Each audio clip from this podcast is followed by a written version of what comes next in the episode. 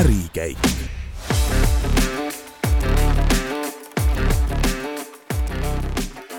head kuulajad, te kuulate Ärikäigu kahekümne neljandat saadet, kus täna tuleb pikemalt juttu elektrist, täpsemalt taastuvenergiast, mis majanduse konkurentsivõimest rääkides on praegu kuum teema. Tänased saatejuhid on Marta Peril-Grauberg ja Gert Avasalu ning rõõm on tervitada stuudios meie tänast külalist. tere tulemast Ärikäiku, taastuvenergia tootja Sunly asutaja ja tegevjuht Priit Lepasepp. tere ja aitäh kutsumast ehk siis päike, sun ja L, noh, nii nagu Spotify või Lee on nagu jah, see on päikse, ütleme, ta on üks alavorm päikselisusest. päiksest saab kõik alguse, et kui päikest poleks, poleks, poleks tuult ja palju muid asju, nii et äh, päiksest saab kõik alguse, ka inimtegevus, et me ärkame hommikul äh, päikse tõustes ja lähme magama siis, kui päike loojub. Aga kust äh, äh Sunly alguse sai? Ka päikesest ilmselgelt aastal kaks tuhat üheksateist, aga kindlasti mitte ju tühja koha pealt mitte tühja koha pealt, et äh, päikseenergeetika oli nagu trendina oli näha juba kahe tuhande kümnendast aastast kuskil, et päikseenergeetika tuleb. ja nagu alati uute tehnoloogiatega, et kui sa oled keskendunud äh,, olime siis tollel ajal keskendunud tuuleenergeetikale, et kui sa oled keskendunud ühele asjale, siis sa kuidagi alahindad neid trende, mis su kõrvalt tuleb ja peab ütlema, et siis kuskil äh, kaks tuhat kaheksateist aastal hakkas esimest korda tulema nagu radarisse seda, et võiks ju sellises kohas nagu Eestiga päikseenergeetikat teha. aga veel siis oli nii-öelda, ütleme, need äh, Excelid näitasid suhteliselt oportunistlikult, et noh, veel ei ole õige aeg. aga väga huvitav oli see trend ikkagi, et äh, väga kiiresti see muutus, et äh, tehnoloogia odavnemine oli ikkagi noh, kordades vähenemas ja, ja siis kaks tuhat üheksateist, kui alg-, nii-öelda Sunly alguse sai, siis teatud detailide tõttu oli juhtival tiimil või nii-öelda founder itel siis konkurentsipiirang ja, ja see tuli teatud tehingutest, mis varem sai tehtud ja me ei saanud Baltikumis tuuleenergeetikaga tegeleda. ja noh, esimene asi, millega sa tegeleda saad, on no,, leiad siis alternatiivse lahenduse. ja siis esimese asjana oli päikseenergeetika ja, ja siis teise asjana oli ka see, et Poolas olid just avanenud oksjonid ja sattusime kuidagi täiesti juhuse, juhuste kokkulangemise teel äh, Poola. noh, juhusega elus ei ole ikka midagi, et on, on ütlemine, et selleks, et lotoga ka võita, et selleks peab lotopileti ostma. et, äh, et noh, et me siis otsisime uusi turge ja Poola oli siis üks nendest turgudest, mille meie arvutuse järgi, et kõige suurem nii-öelda energiasektori või elektrisektori asendusmäär taastuvenergiasse on Euroopas kõige suurem, ta on üsna lähedal äh, turg meile. et äh, saime alguse kohe niimoodi, et meil olime, meil oli kolm kontorit või nii-öelda alguses kaks, et Eesti ja Leedu ja siis tuli Läti järgi üsna kiiresti. ja siis me läksime nii-öelda Poola ja sattusime Krakowisse. aga niisugune kujunemise käigus, et kui, kui väga kokkutöötav tiim äh, alustab, siis, siis äh, võib juhtudagi selline kasv, et, et see on ka nagu startup'ide maailmast üldse, et tegelikult väga hea tiim kes on tööt-, kokku töötanud ja on seda edukalt teinud, võib ka teha hästi kiire kasvu ka sellises sektoris nagu energeetika ja elektrijaamade planeerimine, ehitamine, et, et Sunly on hea näide sellest. ja te võtsite ikkagi koduturuna ju kohe algusest peale kogu Baltikumi? jah, sellepärast, et me olime kohal enne äh, kogu Baltikumis ja tegelikult äh, noh, trendidena oli niimoodi, et kak-, nii-öelda Eesti siis nullindatel ütleme kaks tuhat viis, kaks tuhat neli taast-, nii-öelda taastuvenergia segmendis siis äh, puidu põletamine ja ja tuuleenergeetika olid need valdkonnad, mis hakkasid nagu trendima ja noh, niisuguse puidu põletamisega Sunly eelkäija siis Nelja Energia ei tegelenud, vaid tegeles biogaasijaamade ja ja noh, peamine nii-öelda käibeallikas, tuluallikas oli ikkagi tuuleenergeetika, siis siis seal me alustasime ja, ja see on nii-öelda kuidagi loogilise protsessina läinud. no Poola oli see esimene eh, suurem asi, mis te esimesena Eestis ära tegite? esimesena Eestis äh, ma arvan, et üks kõige olulisemaid asju oli see nüüd Sunlyga, mida me esimese asjana ära tegime, oli ikkagi see, et energeetikas on üks oluline asi või nii-öelda üks oluline kolmik on, et sul peab olema maa, sul peavad olema, olema raha ja sul peavad olema inimesed. ja raha peab sul olema ikka nagu kolossaalselt palju, et äh, iga ütleme siis tuulemegavatt maismaal nii-öelda ühe megavati kohta on investeeringu kuskil ütleme niimoodi üks koma, üks koma kolm kuni üks koma ütleme kuus miljonit eurot. üks tuulik on täna niisugune kuue megavatine ja kui me kujutame ette, neid on kakskümmend tükki, et siis sa saad nagu sellise väga tugeva investeeringu kuhugi valda. et ma ei tea, kui siin uudistes äh, räägitakse Risti tuulepargist või kuskilt sellest, siis korruta see number kahekümne viiega, siis sa saad väga nagu konkreetselt, et et justkui nagu ühte valda on võimalik, et läheb nüüd kakssada miljonit investeeringut. Et, äh, et see ongi nagu taastuvenergias hästi nagu oluline aspekt. Ja, ja üks teine teema, mis energeetikas oli üsna nii-öelda tre imelik trend äh, varasemast oli ikkagi see, et äh, energiafirmades äh, energeetikaga hakkasid tegelema aina rohkem rohkem juristid ja finantsistid, mis on muidugi hale naljakas, sest ma ise olen ka jurist oma taustalt hariduse mõttes, aga inseneride perekonnast pärit, aga eraldi nagu õppinud, õppinud ei ole ja, ja, ja see näitas aina rohkem, et on vaja nagu inimesi, kes oskaksid seda raha ka midagi teha selles segmendis. aga üks oluline asi oli maa ja meie olime need, kes esimestena alustasid siis äh, suurmaaomanikega Baltikumis äh, koostööd. ja, ja me siis ehitasime endale kaardirakenduse, mille eesmärk oli põhimõtteliselt siis oma kogemuslikult äh, panna kaardile nii-öelda 2D formaadis kihid peale ja siis leida need kohad, kus kohas meie arvame, et on kõige tõenäolisem, et on kõige vähem nimbit mm, -hmm. selliseid aspekte, äh, kus on tuult, kus on maapinda, kõik kaardikihid üksteise peale, et kogud selle kaardi kihid kokku ja siis vaatad, kes on need maaomanikud, et need andmed on ju kõik avalikud ja siis läksime ja sõlmisime maaomanikega kokkuleppeid, et teeme teie maal koos. et meie lugu oli ikkagi see, et meie arvasime, et energeetikas on toimumas selline tööstusrevolutsioon, mis tegelikult ka on, et järgmine kümme aastat äh, energeetikas tuleb vahetada vana tootmine välja uue vastu ja saada on hetkel nagu valikus, tollel momendil oli gaas, äh, tuuleenergeetika, päikseenergeetika, mis me nägime trendina, et võib-olla on akud ka tulemas, aga siis pumphüdrosalvestus ja need on lihtsalt need kaubad, millega me saame seda vana energeetikat asendada, et mida sa saad minna kohe poest ostma ja, ja siis noh, Eestis ma arvan, et kõige olulisem oli see, et me lükkasime ikkagi lahti väga suure arenduslaine. ja me olime üks nendest, kes käis ja avalikult rääkis sellest ringi, et kuulge, et kui me soovime seda pööret teha, siis kõigepealt peavad olema need äh, planeeringud tehtud. et Eestis, ma arvan, see kõige tugevam aspekt on see, et kui me täna räägime, et maismaal kokku, ma arvan, on niisugune kuus gigavatti projektide arendusi kümne aasta peale, siis äh, kui me räägime kahe tuhande kaheksateistkümnendast aastast, siis oli meil üksikuid projekte, mida me saaks ehitada või isegi, mis oli planeerimises. et noh, meil oli näiteks, toon näite, mida täna ehitatakse, Tootsi tuulepark ja see oli Põlendmaa tuulepark Saarde vallas, mille Utilitas ehitas ja siis meil on Sõnajalgadel tuuleparke, mis on veel nagu ehitamata, aga, aga sellest, nendest numbriliselt kõi, äh, ei piisa, et asendada seda eelmist tootmist. Et ma arvan, see Eesti loogikas on ikkagi see, et me panime aluse sellisele ütleme revolutsioonile mille tagajärjel täna ma võin öelda, et meil on väga tugevat sellist äh, kuus-seitse konkurentsi, äh, konkurenti maismaal, mis paneb mind uskuma, et äh, see nii-öelda trend või lubadus Eesti riigis, et taastuvenergia sada kakskümmend kolmkümmend, et see tehakse ära mm. -hmm. et äh, aga kaks tuhat kolmkümmend ei ole sugugi kaugel, et Elering ka just äsja teatas ähm, oma varustuskindluse aruannet tutvustades, et, et nii palju kui praegu ei ole kunagi taastuvenergia tootjaid tahtmas liituda Eesti võrguga, et äh, kuidas see süsteem teie hinnangul hetkel praegu toimib ja kas seal saaks nagu midagi teha paremaks? ma arvan, ma olen aastaid rääkinud sellest, mida võiks teha veel paremaks ja mina eelistan alati seda, et et ühiskonnana me vaataksime just seda, et noh, et esimene asi, mis takistajaks on, on regulatsioon ja, ja, ja nendest regulatsiooni puudujääkidest tuleb nagu mööda saada. ma arvan, et äh, Ukraina sõda või Venemaa sõda Ukrainas selle nagu trendi nagu muutis, et aja, aja mõttes inimesed saavad aja, aru aja kriitilisusest. aga ma arvan, meil on väga palju nagu võimalusi veel, et me, meil on ikkagi, esiteks meil on oma riik, meil täna on Elering, Eleringil on oma võrgud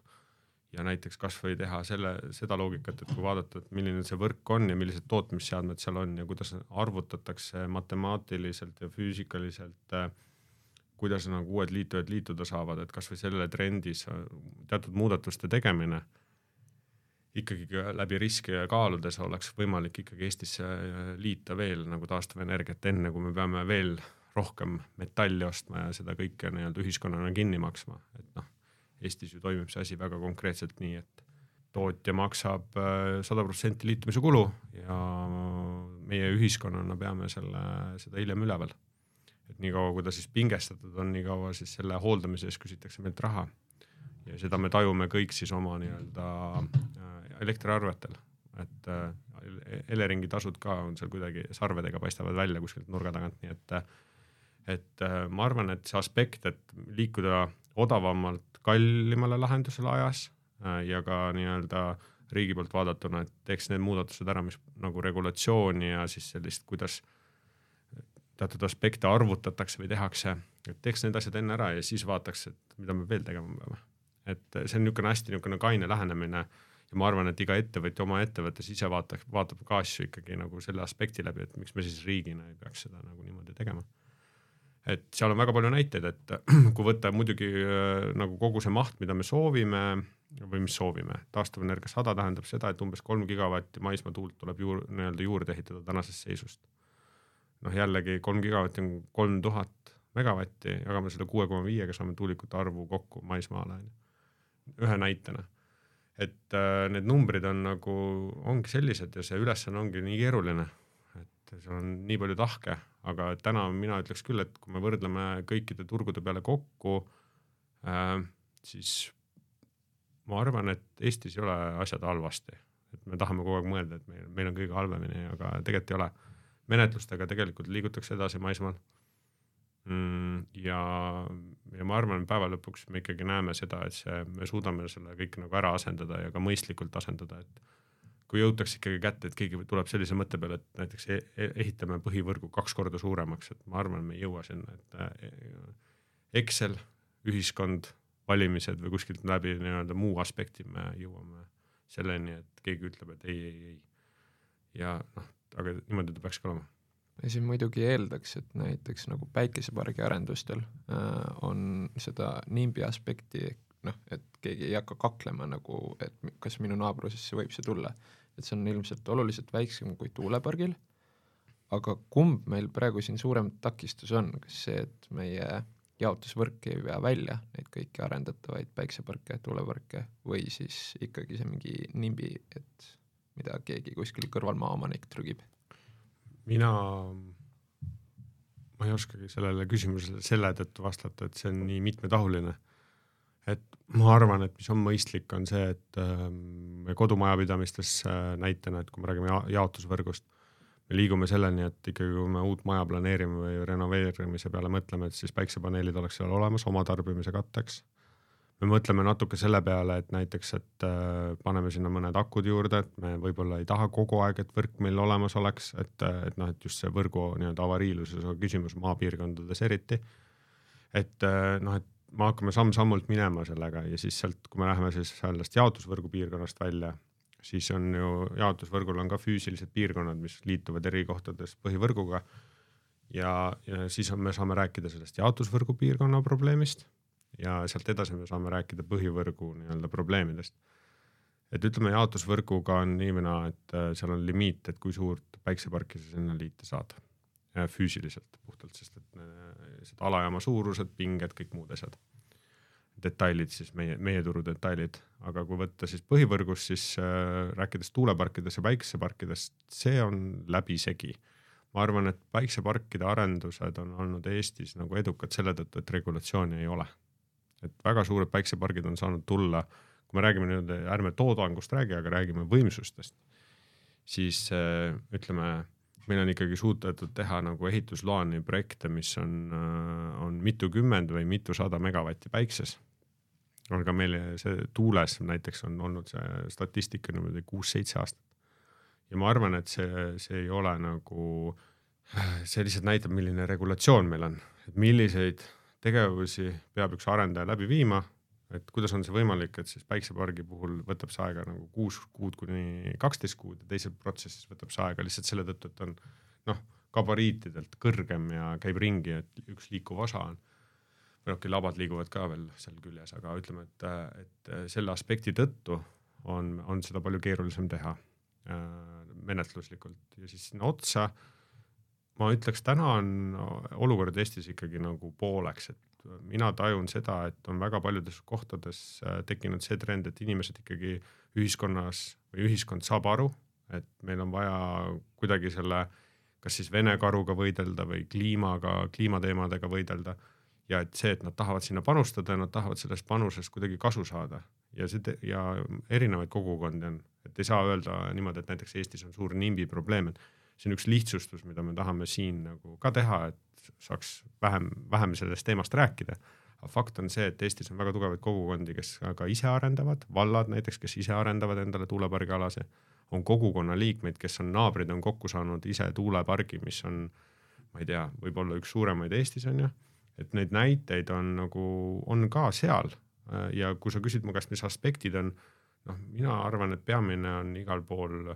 üks, et äh, nagu selline ehteestlaslik kadedus tuleb välja, et sa nagu näed tuulikut ja siis see häirib sind, et see tuletab sulle kogu aeg meelde, et keegi teenib raha äh,. päiksepargiga on täpselt samamoodi ja siis noh, sinna külge on liidetud siis erinevaid argumente, mis tulenevad siis sellest, et kas keegi peab vaateid oluliseks, sest et noh, tuulepargi puhul on kindlasti see, et ta muudab sinu elukeskkonda selle läbi, et äh, su vaated, mida sa oled harjunud nautima, see muutub. Päiksepargiga on natuke keerulisem, kui ta kuskil metsa taga on, siis sul läheb isegi meelest ära, et ta seal metsa taga on, onju. et neid detaile on hästi palju, mis mõjutavad äh, seda nimbi aspekti. aga et kui keegi tahab öelda, et meil maismaal on nagu probleem, kas siis äh, ma ei tea, ornitoloogide vaatest või looduskaitsjate vaatest või Äh, või noh, üldse looduskaitse aspektidest võetuna või naabrite õigustest võetuna, siis ma arvan, see laine hakkab liikuma ja neid projekte tuleb ja tuleb ja tuleb. Ja ka need kohad, kus kohas on mingisuguseid probleeme, siis kas need projektid tulevad vähendatud kujul või nad tulevad hiljem, aga nad saavad vähemalt nagu paberil valmis arendatud.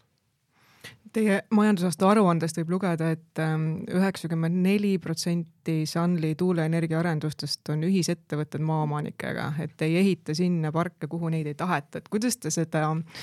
seda koostööd äh, loote, et äh, ja, ja sellist nagu äh, soovi äh, neid tuuleparke enda äh, juurde meelitada tekitate? kõige üldisemalt saab öelda selle kohta, et see on mõistmine me, me oleme olnud selle juures, et, et Eestis oleks üldse kogukondade juures näiteks äh, siis mittetulundusühingud, kes saavad äh, tuuleparkidelt äh, raha selleks, et kohalikku kogukonda toetada, see, see, see mudel on nagu nii vana, et see pärineb kuskil kahe tuhande seitsmendast aastast ja natuke hilisemast. siis me oleme kaasa rääkinud sellel teemal, et, et noh, tuulepargi ümbruses olevad, vahetult ümbruses olevad inimesed, kes siis ütleme niimoodi, et kui me räägime liikuvatest osadest, me räägime ka tegelikult mürast et müra aspekt on tuulepargi puhul vahetult seal ümbruses elavatel inimestel kõige nagu suurem probleem. ja, ja et nemad peaksid saama päriselt kompenseeritud, et mida lähemal sul tuulik on su nii-öelda kodule elamisele, seda suurem peaks see kompensatsioon olema. ja, ja teise asjana on, on sinna otsa, mis on nagu ekstra, on, on see, et kuidas võimestada neid inimesi, kes äh, on positiivselt meelestatud, aga kellel ei ole aega tulla positiivset sõna välja ütlema ma arvan, et näiteks see NIMBY funktsioonis on see, et mis võimestab meid. et alati võimestab näiteks negatiivne uudis, negatiivne uudis siis läbi selle, et näiteks minu naabrusesse tulevad tuulikud ja mulle need tuulikud ei meeldi, siis küll ma leian selle aja, et minna sinna avalikule koosolekule ja öelda välja, et mulle see ei meeldi. aga kui mul on neutraalne või positiivne aspekt, siis ma samal ajal leian kümme muud põhjust, kas minna reisile, kas äh, minna tööle äh, või midagi muud teha ja, ja see küsimus ongi, et kuidas teha siis inimestele selgeks ja näidata, et, et see on ka nende oma.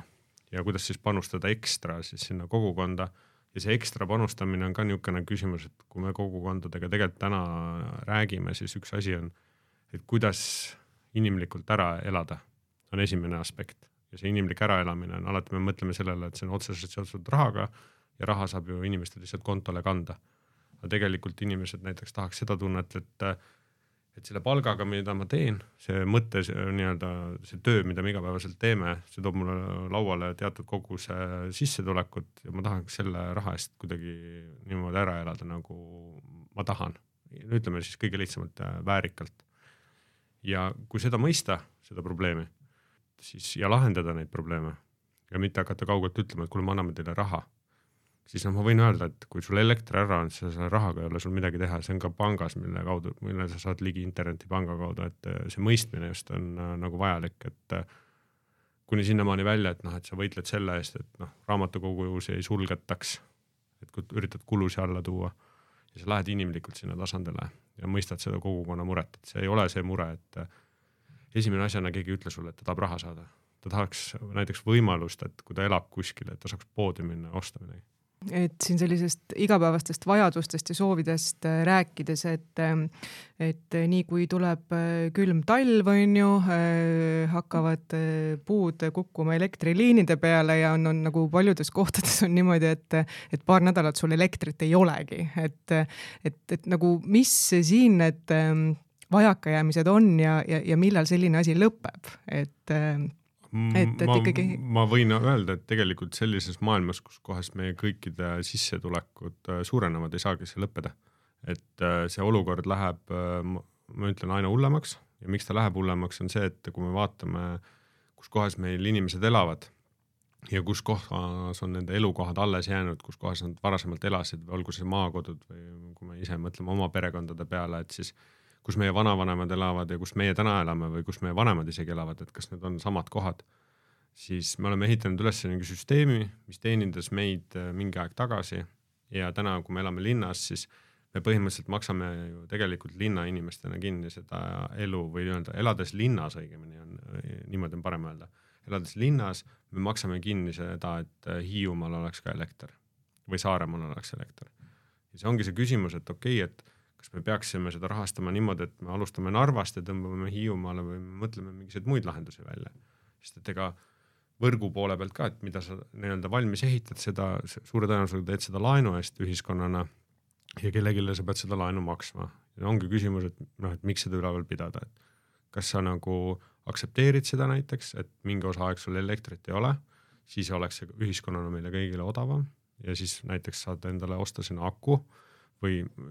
isegi kui me räägime nagu seal lahendustest, et on, on erinevaid generaatoreid, mis töötavad erinevate kütustega. et, et kui me suudaksime seda nagu inimestele niimoodi selgeks teha, sest et inimesed äh, nagu soovivad, et igal pool oleks elekter kogu aeg olemas. aga seda on natuke raskem saavutada kui näiteks mobiilileviga, et mobiililevi saab igale poole tagada peaaegu, aga, aga elektriga on natuke teistmoodi. et ma arvan, et see aeg ei, äh, noh, me võime loota, aga ilma võrgutasude tõusuta seda ära ei tee. et kogu ahelas ikkagi kulud on läinud suuremaks, kas olgu see siis inflatsioon või palgatõusud või materjalikulu. et nendel piirkondadel peaks olema mingine väljumise võimalus. ja kusjuures see võib olla teatud kohtades nii-öelda mõlemale poolele kasulik, see väljumine. toome Saaremaa näite, et äh, Saaremaa väga pikk nii-öelda katkestus et kas sa valiksid pigem sellise lahenduse, kui sul nädal aega on katkestust või sa valiksid lahenduse, kus kohas sul küll nädal aega on võrk ka läinud, aga näiteks igal, igal päeval sa saad näiteks äh, neli või kuus tundi saad äh, ikkagi elektrit. kumb lahendus on parem? ma arvan, kõik on nagu see, see, et kui sa tahad näiteks joogivett saada puurkaevust või kus iganes, siis see, see lahendus on tegelikult parem, kus kohas iga päev on natuke elektrit olemas. ja sellised lahendused täna võivad viia nagu sinna, et noh, et äh, et see just seesama teema, et millist võrku me soovime ja millise, millist toodet me sealt ka soovime, et see on väga palju sellest kinni. energeetikas üritatakse tagada alati sellist momenti, et noh, enamus ajast on ta kogu aeg nagu olemas. ja see on enamasti protsentuaalselt alati üle saja protsendi ja see iga protsent, mis üle saja protsendi on või isegi saja protsendi lähedal, on väga palju kallim kui üheksakümne protsendini et äh, need kõik aspektid on, äh, mida tegelikult nagu peab kaaluma, kui mõelda sellele, et ma tahan, et mul oleks elekter kogu aeg olemas. selle tahtmise tagajärjel äh, tõuseb võrgutasu ka siin, kus meie nagu stuudios praegu oleme, kui ka Kadriorg või, või Tartu või Pärnu või kus iganes. kindlasti on raske inimesele selgeks teha, maainimesele, et äh, kas Eesti on niivõrd suur riik nagu selles suhtes, et ähm, meil tõesti äh, okei okay, tootmisvõimekus, nagu vanad tootmisvõimekused on ühes riigi otsas, see on nagu võib-olla probleem. aga kas me oleme nii suured, et me tõesti ei suudagi siis ähm, tagada seda jaotusvõimekust igasse riigi otsa? kuidas näiteks Soomes sellega olukord on, võib-olla on Soome hea võrdlus, ma ei teagi, mis teine riik võiks hea võrdlus olla? Soome on hea võrdlus, aga Soomel on täpselt seesama loogika, et kui me räägime avariidest, siis seal on, ongi, nõuded on teistsugused, et kui sa alustad nagu ühelt pidi inimestele kommenteerimist, et teate, et võibki juhtuda niimoodi, et iga kolme aasta tagant on olukord, kus kohas näiteks kaks nädalat elektrit ei ole, siis see on hoopis teise kuluga asi, et ütleme, kui ise ka mõelda, et näiteks mingi asi läheks siin ruumis katki, onju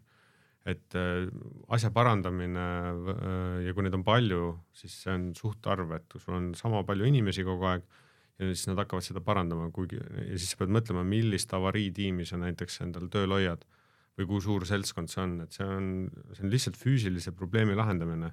et äh, kõigepealt paneme ootused ühiselt paika ja siis lahendame ta teistpidi ära, et kuidas me seda teeme. ja ma arvan, läbi sellise lähenemise, et me paneks ühiskonnana paika näiteks, mis meie ootused on võrguettevõttele Äh, see oleks hoopis teistpidisugune süsteem, et äh, ma arvan, et me, me, seal on väga palju mõelda veel, et äh, muidu see läheb hästi palju kallimaks maksma, et kui me üritame seda süsteemi teha paremaks ja paremaks ja paremaks ja just sama loogikaga, et see, see süsteem pärineb ajast, kus kohas elektrit toodeti Narvas, siis viidi üle kogu riigi versus see, et me teame, et ajaenergeetika tuleb, tootmist tuleb igale poole Eestisse juurde, salvestust tuleb juurde igale poole üle Eesti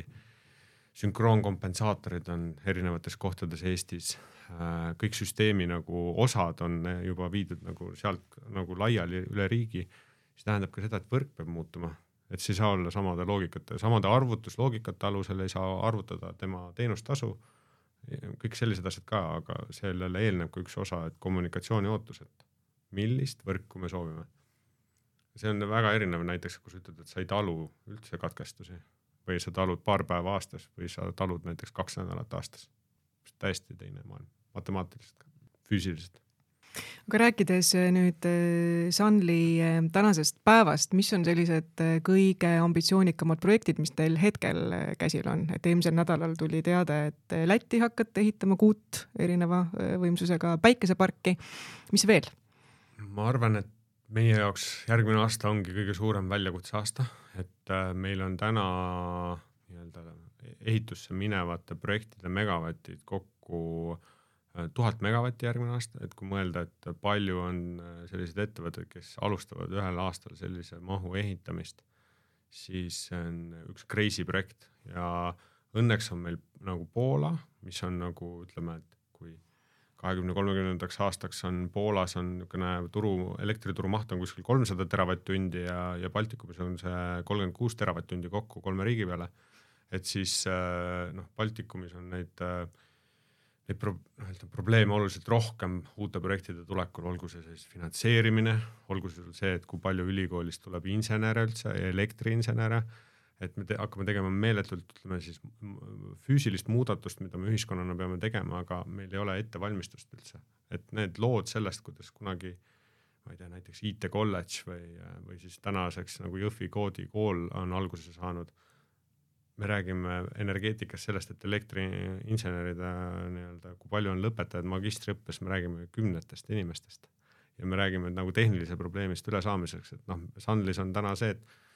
me oleme kasvanud sellise suurusega ettevõtteks, kes arvab, et ta suudab järgmine aasta hakata ehitama siis äh, kuskil kindlasti niimoodi kolmesaja kuni viiesaja megavati vahele. järgmine küsimus on see, et mis teeb, äh, mis teevad nagu finantsasutused seal nende numbritega, sest et, äh, et meil on teatud piiratud kogus panku, nendel on omal piiratud kogus ressursse, nimetame siis, olgu ta riskidest tulenevalt või päriselt ka ja, ja see, neid äh, challenge ite arv on meil hästi suur. aga me loodame, et kuna me oleme üles ehitanud endale sellise äh, struktuuri, kus kohas meil on väga tugev finantstiim, väga tugev tehniline tiim äh, ja, ja siis seda erinevatel tasanditel, ma mõtlen raha kaasamise mõttes nii emaettevõtte tasandil, projektide finantseerimise mõttes nagu siis projekti tasandil, et me suudame selle kaudu siis sellise hästi suure pöörde ära teha aga see ei ole nagu lihtne harjutus, et see on, see ei ole nagu selles mõttes startup'i ehitus, et ma samal ajal hakkan ehitama äh, nelja riiki äh, siis kahe Auvere suurust nii-öelda võimsust, et see on umbes selline harjutus, et see ka kõik ei toimu ühel platsil koos, et ta selle, ta oleks lihtsam, kui ta oleks ühel platsil koos, aga ta ei ole. ja, ja see ongi kõige suurem nagu challenge meile, et äh, me täna juba ehitame äh,, meil on täna juba projektid töös, me võtame projekte vastu, me finantseerime uusi projekte, et samal ajal nagu me oleme suutnud saavutada selle, et iga aasta me oleme ka eelmise aastaga võrreldes ehitusse pannud kaks korda rohkem võimsusi, kui, kui meil oli, et meil selline hästi tugev nagu roteerumine läheb, et Sunly eesmärk on kahekümne seitsmendaks aastaks saavutada olukord, kus kohas meil on ready to build staadium või siis öelda valmis ehitamiseks staadium on neli koma kuus gigavatti selleks kõigeks me arendame täna kuskil kahtekümmet seitse gigavatti, et siis tõenäosustega jõuda nelja koma kuueni. mõni osa nendest projektidest seal vahepeal me võime just selle sooviga, et ehitada nelja koma kuud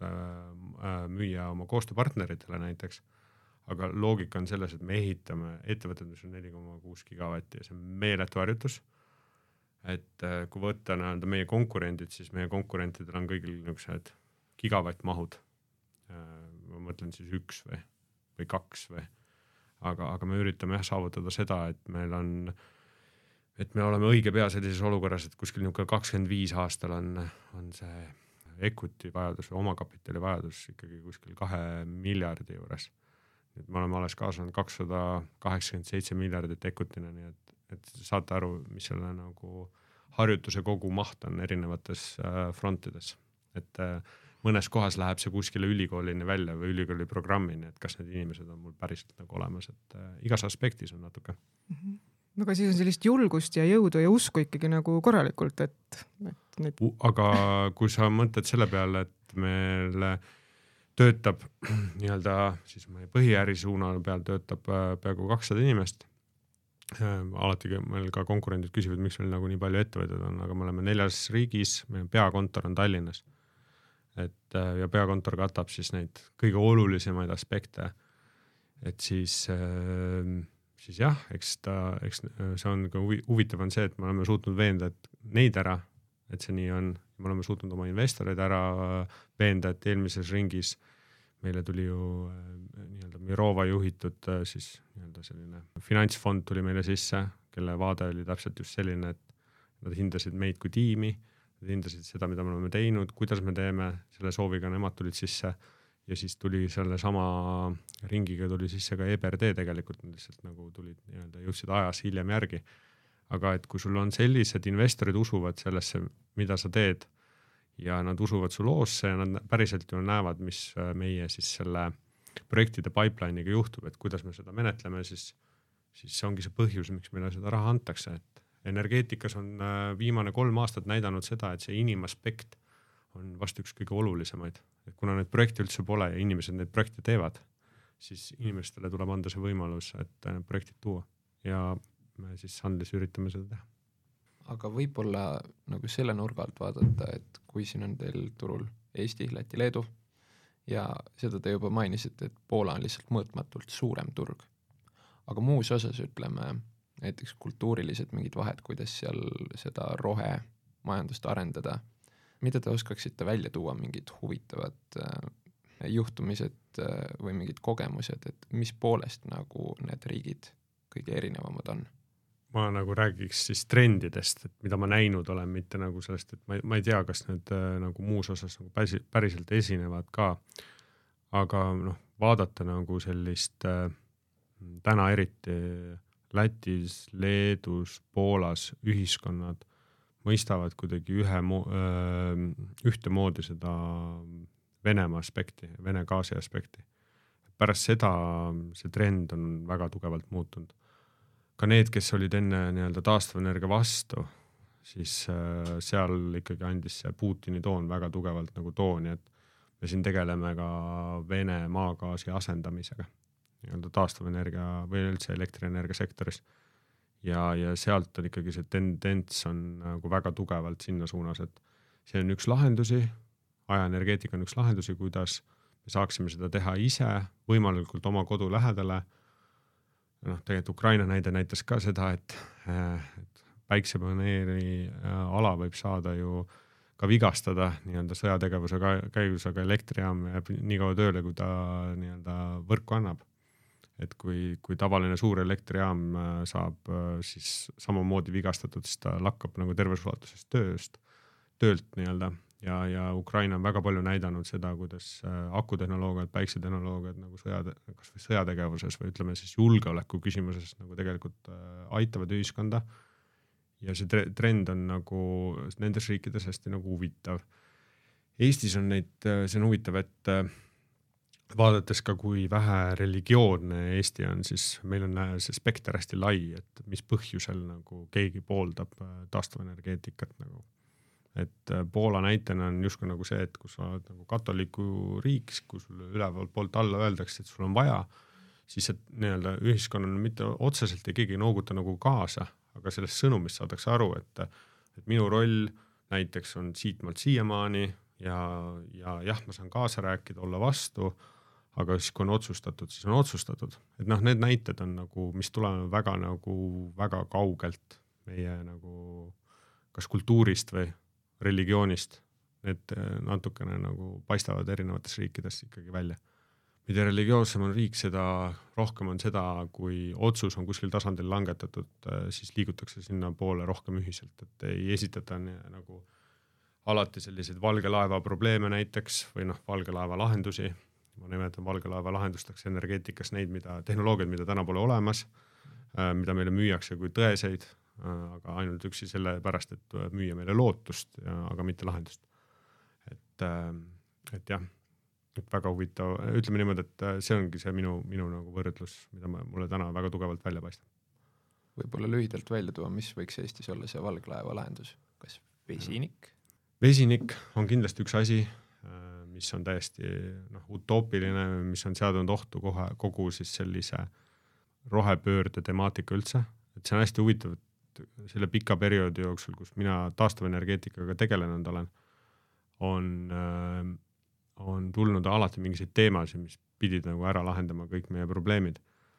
ja noh, vesinik on üks nendest, mis äh, on lahendus, ärme saa sellest valesti aru, et meil on äh, nii-öelda vesiniku maailmaturg on üsna suur ja seal on väga palju potentsiaali. aga rääkida ära seda, et teda saaks hakata massiliselt näiteks Eestis ka nii-öelda tootma ja kasutama, siis vesinik on väga transporditundlik, ehk siis, et kuhu sa teda transpordid siit. ja teine teema on siis äh, selles, et mis selle kogu ahela nagu kasutegur on, et nagu Eesti on küll nii väike, et meil ei ole vaja siin toota vesinikku, et panna siis see vesinik bussidesse näiteks äh, ja liigutada inimesi ringi, et sama hästi me võime panna need akudesse ja liigutada inimesi ringi ja kogu tsükli kasutegur on oluliselt suurem. ja Eestis, kui vaadata nagu, mis on täna vesinikuturg, siis no isegi võrreldes, ärme lähe väga kaugele Baltikumist, võrreldes nagu Leeduga, kus kohas on rafineerimistehas, äh, kus kütuseid rafineeritakse, kus on vesinikku päriselt vaja, siis äh, Eestis on see tühi, tühine osa. et see, selle asendamiseks meil nüüd küll ei ole isegi tuuleparki vaja, võib-olla tuulikut et, äh, et need on need aspektid, mis on nagu toodud nagu meile ette ja mis tegelikult naeruvääristavad selle teema nagu olulisust, et äh, nad äh, ei paku te terviklahendust, näiteks transpordis vesiniku näitel on ikkagi need autode kasutegurid on võib-olla ütleme, ärme nüüd liiga tee, et sama, sama suured kui siis äh, sisepõlemismootoril on paned kütuse sisse, enamus läheb nagu soojaga, soo-, ütleme kogu ahela mõttes läheb kaduma kuhugi mujale kui sellesse tegevusse, mida oleks ta eesmärk, millest tema algne eesmärk oli. elektritranspordis on see oluliselt lihtsam, et kogu liini kasutegur kuni siis selle auto laadimispunktini, see on kõrge. ja siis sul on veel omakorda see, et elektriautos enamus äh,, mitte enamus, ütleme suurem osa läheb ikkagi ratastesse, et liigutada inimest punktist A punkti B et äh, energeetikas väga paljudes segmentides kehtib ikkagi füüsika ja, ja see on mingil põhjusel üks asi, mida me nagu üldistuste tõttu nagu unustame ära. et, et äh, räägime ikkagi kasuteguritest ja, ja kui palju näiteks, et kui tahta nagu vesiniku transpordile üle minna, siis palju me peame tuulikuid äh, ehitama ja palju me omakorda peame selle tõttu tooma maa seest nagu metalle, et need tuulikuid ehitada välja me saaks oluliselt vähemate tuulikutega hakkama, sest et lihtsalt, et me peame mõtlema selle peale ka, et, et minu soov ei ole saata, mis on ka väga popu-, nii-öelda järgmine populistlik nii-öelda statement või mida kasutatakse, on see, et kas me, kas sa nüüd arvad, et me peaksime koopasse tagasi minema, et ei, ma ei arva, et me peaks koopasse tagasi minema, me peaks lihtsalt mõtlema selle peale, kuidas me nii-öelda need seadmed, mis meie ümber on, et mõtleme kasvõi kakskümmend aastat tagasi, et LED-lampe siin nagu laes ei ole, et siin stuudios on LED-lambid praegu. Et, et kui me nagu mõtestame niimoodi edasi, et mida me kõik edasi teeme, et kuidas me nagu iga sammuga veel vähem energiat tarbime, siis see kõver ei pea kasvama. aga siis nagu järgmine teema on, aga siis inimesed ütlevad, et aga miks me taastuvenergiaga peame tegelema, siis ma ütlen, et vaadake, et füüsika kehtib ka seal teises otsas, et iga asi, mis on, töötab ja käib ringi, see laguneb lõpuks ära ka meie need elektrijaamad, mis me oleme siin Eestis ehitanud, need on meie vanaisade poolt või nende generatsiooni poolt ehitatud, et järsku laseks neist lahti, et nad isegi ei suuda töötada enam. ja need on vaja millegagi ära asendada, nii et see mõtlemine peaks olema kahest otsast. ja positiivne aspekt ka mõni sisse tuua, et, et noh, kui mõni nii-öelda äh, minu isa vanune siis ehk siis üle kuuekümne aastane meesterahvas räägib siis rohepöördest ja negatiivses võtmes, et see on rohehullus, siis näiteks huvitav on see, et kui neilt küsida, et, et mida nad selle all silmas peavad, siis näiteks tuulikuid nad enam sinna potti ei pane, et nad panevad sinna potti kõike muud, aga ja nagu et tuuleenergia on nagu suur energeetika, aga kakskümmend aastat tagasi või ütleme siis kaks tuhat viis aasta, kui Eesti Energial oli võimalus esimest korda taastuvenergiasse suurelt sisse minna, kui tekkis neljaenergia siis, äh, siis äh, tollel ajal räägiti tuulikutest kui vurridest. et samasugune mentaliteet, et äh, ma arvan, et see on üks laiem niisugune kesk, üle keskea meeste nii-öelda probleem üldse, et ma loodan, et ma ise kunagi ei lange sinna tasandile okei okay., ma korra lihtsalt küsin, et meretuuleparkidega seoses, et, et siin on mingisugused alad riik pannud oksjonile. nüüd Liivi kaks eh, on oksjonil, te osalesite, tegite selle hoonestusloo asja seal ära, aga oksjonile ei läinud. Eh, miks? selle esimene suur põhjus on see, et me näeme, et maismaal on eh, potentsiaali täna ennekõike. et kui me räägime kakskümmend kolmkümmend eesmärkide saavutamisest, siis, siis hästi lihtne statement on see, et maismaal on kaks korda odavam ehitada ühiskonnale on see ka kaks korda odavam, sellepärast et võrgud on seal kohe lähedal. ja, ja kui me räägime nendest oksjonitest, siis äh, tuleb mitu oksjonit olemas. Sandril on ka teatud huvialad äh,, kõikide huvialadega või paljastamisega tegeledes, need on oksjon, oksjoni nii-öelda projektid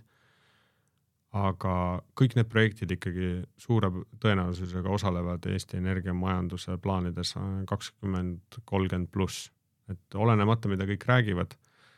siis seesama tehnilised probleemid ja see kõik, mis ma enne kirjeldasin, on seal palju suuremalt esil. et palju on isegi nendel aastatel laevu, mis suudavad selliseid asju ehitada sinna, et maismaa tuule, tuulepargi juurde saad sa jala minna, aga, aga seal on hästi, seal on palju rohkem ja palju komplekssemad probleemid ja, ja sellega seotud on riskid ja, ja kui me võtame neid riske arvesse ja mõtleme, et me peaksime täna nagu Eesti riigile maksma miljoneid ja kusjuures teadmata veel, kas me selle loa saame, siis, siis praegu va vaadates, mis finantsmaailma seisud ka on, ei ole see võib-olla kõige õigem aeg. aga see, see ei, ei tähenda ka omakorda öelda seda, et me ei teeks kuskile pakkumist. mitu oksjonit on tulemas ja, ja me ikkagi teeme, et me oleme peamiselt olnud täna arendamistes üldse nendes alades ka, kus kohas oksjonid ei ole nagu ette nähtud, aga noh, et ütleme meie vaates näiteks Hiiu mereala on, on üks palju mõistlikum mereala, mille, millele leida rakendust kui see ala seal mm. -hmm. et see on, seal on liiga palju nüansse meie, meie poolt vaadatuna, mille pärast see koht ei ole kõige parem, et tuuleparke nagu merel ei pea alati ehitama sinna kohta, kus kohas ta on nagu võrgule kõige lähemal, et seal on nagu muid detaile ka, mis Liivi lahes on. et need meretuulepargid, et seal midagi päriselt juhtuma ei hakka enne kahe tuhande kolmekümnendat? Et... ma arvan, et äh, erinevad äh, osapooled ütlevad sulle äh, erinevaid numbreid, aga noh, mina ja, ja hästi lihtne oleks ju praegu öelda, et Sunly ka kindlasti kakskümmend kaheksa midagi teeb ja et, et ma ei tea, kaua teil arhiiv püsti on, et, et kas keegi saab mulle järgi tulla, aga, aga ma arvan, et palju ausam on täna öelda seda, et mõistlikum on maismaad vaadata äh, rahalistes mõttes, ühiskonna mõttes. sest et noh, suure tõenäosusega on nendel projektidel kõigil, mis seal merel on, ka mingi vaade sellele, kuidas me ühiskonnana peaksime seda toetama. et me võime küll siin rääkida, et äh, mingi ettevõte küsib meretuulepargile toetust, aga me räägime iseenda rahast tegelikult, et ma arvan, et see potentsiaal, millest ma rääkisin enne miljarditesse ja, ja maismaale, et sellest on ka võita, see annab väga paljudele inimestele väga palju tööd. aga, aga merel me peame arvestama ka sellega, et meil ei ole sellist laevastikku, meil ei ole sellist sadamat ja kõiki muid aspekte ka ja kuni sinnamaani välja, et need tehased, mis toodavad meretuulikuid, ei ole samad tehased, mis toodavad äh, maismaatuulikuid. ja sinnamaani välja, äh, et väga palju meretuuleprojekte maailmas tahavad just valmis saada kahekümne kaheksandaks aastaks ja me juba teame ette, et need tehased, kes neid ehitavad, nad on öelnud, et nemad küll oma mahte suuremaks ei tee. et kui see on udujutt, siis äh, see on nende nii-öelda siis hakatakse vaatama, mis on Vestase aktsiahind või Siemens Gamesa, kes on juba täna niigi hädas. et mis on nende nii-öelda ettevõtete väärtused on ju. et kuna nad eelmine tsükli tegid selle just selle vea läbi, siis nad ei korda seda. et seal on hästi palju riske, millest võib pikalt rääkida. ja maismaal on Excel on ikkagi toetab seda äri. maismaa või jah, maismaal toetab, merele on see küsimus, et miks me tahaksime kohe minna kõige kallima lahenduse juurde me tahame elektrit ja siis meil on nagu mitu erinevat lahendust, mis viiksid meid punktist A punkti B, aga mere puhul kuidagi räägitakse meile kuidagi erakordselt suurest töö, töötajate kogusest, aga minu küsimus on see, et kes tegeleb sellega, et täna oleks inimestel töökohad olemas ja kes mõtleks, et homme ehk siis järgmine, ülejärgmine, üle-ülejärgmine aasta ollakse ka nii. et neid asju tahetakse väga tihti ühte potti panna aga rääkides Sunlist ja aastast kaks tuhat kolmkümmend, kus te siis olete, kui suur on teie turuosa? turuosa on selline meeldiv asi, millest tahaks äh, rääkida, et äh, energeetika on selline või nii-öelda elektrienergeetikas on marginaalipõhine turg, ehk siis täpselt see, kes suudab alguses kõige suurema osa sinna saada turule. Ehk siis ütleme niimoodi, et kui see on nii-öelda turuhoone võrdlus, et siis kellel on kõige rohkem kartulilette, see saab kartulit müüa. et siin ei ole ainult see küsimus, et mis hinnaga kartulit. et äh, meie ajame taga äh, ikkagi seda, seda nelja koma kuute, millest siis äh, üle poole äh, gigavattidest oleks ikkagi Baltikumis ja tolleks momendiks, kahekümne kolmekümnendaks aastaks, kui teised turuosalised loodetavasti ka kasvavad, siis meie turuosa peaks olema mõistlik ikkagi. ehk siis mõistlikuks me peame kuskil niisugust äh, viiteist protsenti nagu erinevates riikides ja, ja, ja võib-olla Poolas natuke rohkem aga jah, turuosa suurustest on nagu niimoodi keeruline rääkida, palju lihtsam on rääkida, et äh, me üritame olla eesjooksjad, üritame, äh, et meie projektid saaksid valmis ja valmis tähendab mitte ainult siis seda, et nad on paberil valmis, vaid et me oleme leidnud ka sellele kõige paremad rahastajad ja et me saaksime seda päriselt ehitama hakata. et äh, hästi palju detaile on ja kahekümne kolmekümnendaks aastaks nelja koma kuuest gigavatist peaks olema juba ütleme kaheksakümmend rohkem protsenti ehituses. nii et umbes nii ta, nii ta on, et meil on alati, et kui me kinnitame oma majandusaasta nii-öelda järgmist, järgmist majandusaastat, siis me strateegiliselt vaatame iga aasta oma strateegiat üle. ja siis me vaatame üle, mida meie konkurendid teevad ja kui kiiresti nemad ennast liigutavad. Viskaks siis selle pulga enda konkurentide kapsaaeda, et, et kuulge, et kus te olete, et tulge järgi. hakake liigutama. võib-olla selle dilemma lahendaks ka lühidalt ära, et äh, roheenergeetikas on hästi nagu oluline mure ju see, kui sõltuvad me oleme toorainete mõttes äh, Hiinast näiteks mm,, päiksepaneelid, akutehnoloogia äh,. kuidas äh, Sunly seda lahendanud on või kavatseb lahendada? Meil on täna nii, et äh, Sunly on äh, nii-öelda siis ütleme ESG ettevõte, nii nagu mõistena seda tahetakse laialdalt äh, vaadelda. Aga ma arvan, mis on oluline, mis on olnud kogu aeg finantseerimises oluline, on, on see, et, et nii-öelda orjatööjõu kasutamine, keskkonna mõistlik kasutamine, et need aspektid oleks arvesse võetud. Ja selle tagajärjel, kui me räägime paneelide maailmast, siis äh, me oleme uurinud äh, nii-öelda kõiki erinevaid nii-öelda alternatiive. aga üks asi, mis me oleme ka, milleni me oleme ise jõudnud, et kui me võrdleme üldse seda sektorit, et Sunde on energeetikasektoris tegutsev ettevõte. kui palju on tooteid ja pooltooteid, mis on pärit Hiinast täna ja ärme räägi ainult päikseenergeetikast, siis neid on, neid on väga palju. ühes tuulikus on kindlasti mitmeid kriitilisi komponente, mis on Hiinas toodetud, pooltooteid. Ja päikse puhul on see lihtne, on see, et päike on kõige rohkem läbi uuritud. ta on läbi uuritud selle aspekti tõttu, et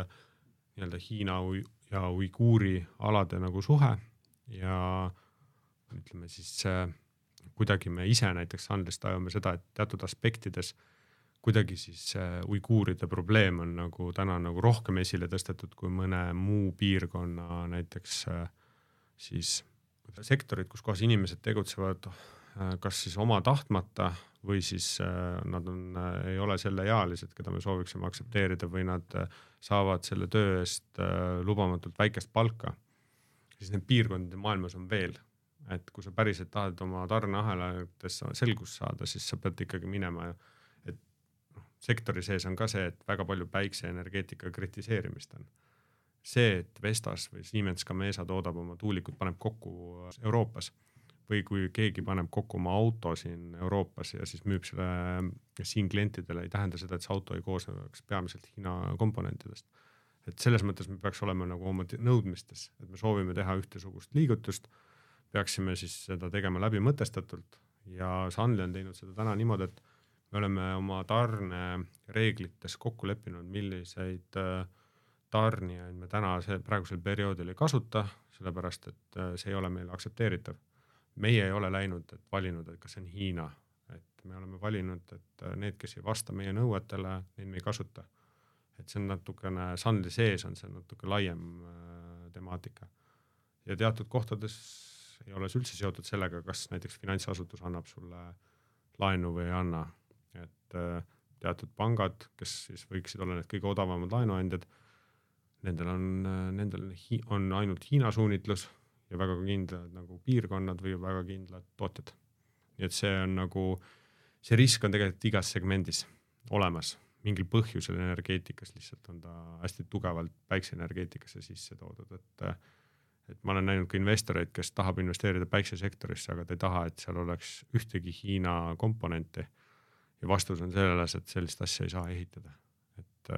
et lihtsalt nagu nii ongi, et sa võid paberi peal oma ootused kirja panna. Aga vastu vaatab sul see, et äh, sa siis lihtsalt pead ise otsustama, et näiteks sa ei tegutse päikseenergeetika valdkonnas. et Sunly võib öelda, et me ei tege-, me tegeleme päike, tuul, salvestus ja pump, hüdro ja, ja siis ähm, innovatsiooni valdkonnas, ehk siis investeerime startup idesse ka. aga, aga nendes siis äh, noh, et me oleme näiteks otsustanud, et biomassi põletamisega Sunly ei tegele, et äh, see on ka niisugune as aspekt, mis noh, mis on ka väga oluline küsimuses, et, äh, et et noh, võrdlus see, et Hiina, Hiina tooted, komponendid kuni sinnamaani välja, et noh, ütleme niimoodi, et puidu põletamisest ma võin otse öelda, ma ei saa aru Äh, siis äh, aga sellest Hiina teema küsimuses ja uiguuri alades, seal ma saan aru, mida ma teha saan. ilma selleta, et mul puuduks nagu riigivõim, et ma võin küsida oma partneri, äripartnerilt, et kuule, kust tehastest sul need komponendid tulevad, ma võin seda ka auditeerida, see on minu jaoks arusaadav tegevus. aga mul puudub, mul puudub nagu see võime näiteks, et kui keegi mulle valetab või midagi et siis äh, talle järgi minna, et riikidel on enamasti selline võime, aga aeg-ajalt nagu riigid ja finantsasutused ütlevad mulle justkui nagu seda, et ma peaksin olema see policing pa, nagu power, et ma peaks olema nii kohtunik äh,, politseiametnik, et mina pean ettevõttena selle rolli võtma. Ma arvan, ma ei saa niimoodi teha, et ma ei saa eeldada, et iga kord, kui ma ruumi lähen, siis kõik on vargad või iga kord, äh, et kõik on orjapidajad et kui me niimoodi tahaks majandust üles ehitada, siis läheks üsna keeruliseks et.... aga ma arvan, et siinkohal ongi äh, paslik tõmmata saatele joon alla ja küsida ärikäigu traditsiooniline lõpuküsimus. mis on Sunly kõige lahedam äh, tiimiüritus olnud või kas te tähistate suvepäevi või mis te teete? ma arvan, meie kõige lahedam äh, kogemus on olnud see, et me, me oleme väga palju oma suvepäevi tegelikult pidanud kõik ühes kohas ja eelmine aasta oli siis esimene kord, kus me tegime seda Poolas ja sellel kaalutlusel just, et meil on Poolas nagu füüsiliselt rohkem töötajaid kui Baltikumis, et me siis läksime sinna, et see oli igas mõttes nagu mõistlikum. aga ma arvan, et üks lahedamaid osasid ongi see, et me oleme enamus oma suvepäevi pidanud Saaremaal. see oli nii-öelda ja kogu Saaremaa kuidagi siis ka läbi käinud. Siis sa võid pidada siis selliseid, hakata pidama siis selliseid väikseid nagu juubeleid, et äh, et see näitab, kui, kui oluline on energeetikas kokku töötav tiim ja, ja, ja kui on valus, siis kuidas sellistes, kuidas selliseid probleeme lahendatakse, aga kuidas ka tähistatakse, et äh, ma arvan, et väga palju neid suvepäevad on olnud meie jaoks ikkagi see, kuidas kogu aeg brainstorm ida, et kuidas edasi. et kuidas me strateegiliselt edasi läheme, et kui sa muidu aasta läbi teed nii-öelda tööd, tööd, tööd, tööd, tööd, siis seal on nagu see, ma arvan, et kui võtta nagu niimoodi, siis äh, Sunliga sündis nii-öelda Nelja Energia suvepäevadel onju. et ja kindlasti ei ole oluline, kus see on ja millised nagu tiimiüritused seal toimuvad, vaid et ongi, et et see on üks hea näide, kui sul suvepäevadel on hea olla, siis tegelikult ja kui sa seal ka nii-öelda võimestad läbi tegevuste neid inimesi läbi koos olemise, siis sa jõuad sellisesse kohta, nagu Sunly täna on, et väga paljud inimesed, kes on meil alustanud nii-öelda üle kümne aasta tagasi, töötavad meiega ikka veel. aga aitäh, Priit Lepassepp saatesse tulemast, palju päikest ja tuult Sunlyle! jah, aitäh teile! ja aitäh ka kõikidele kuulajatele!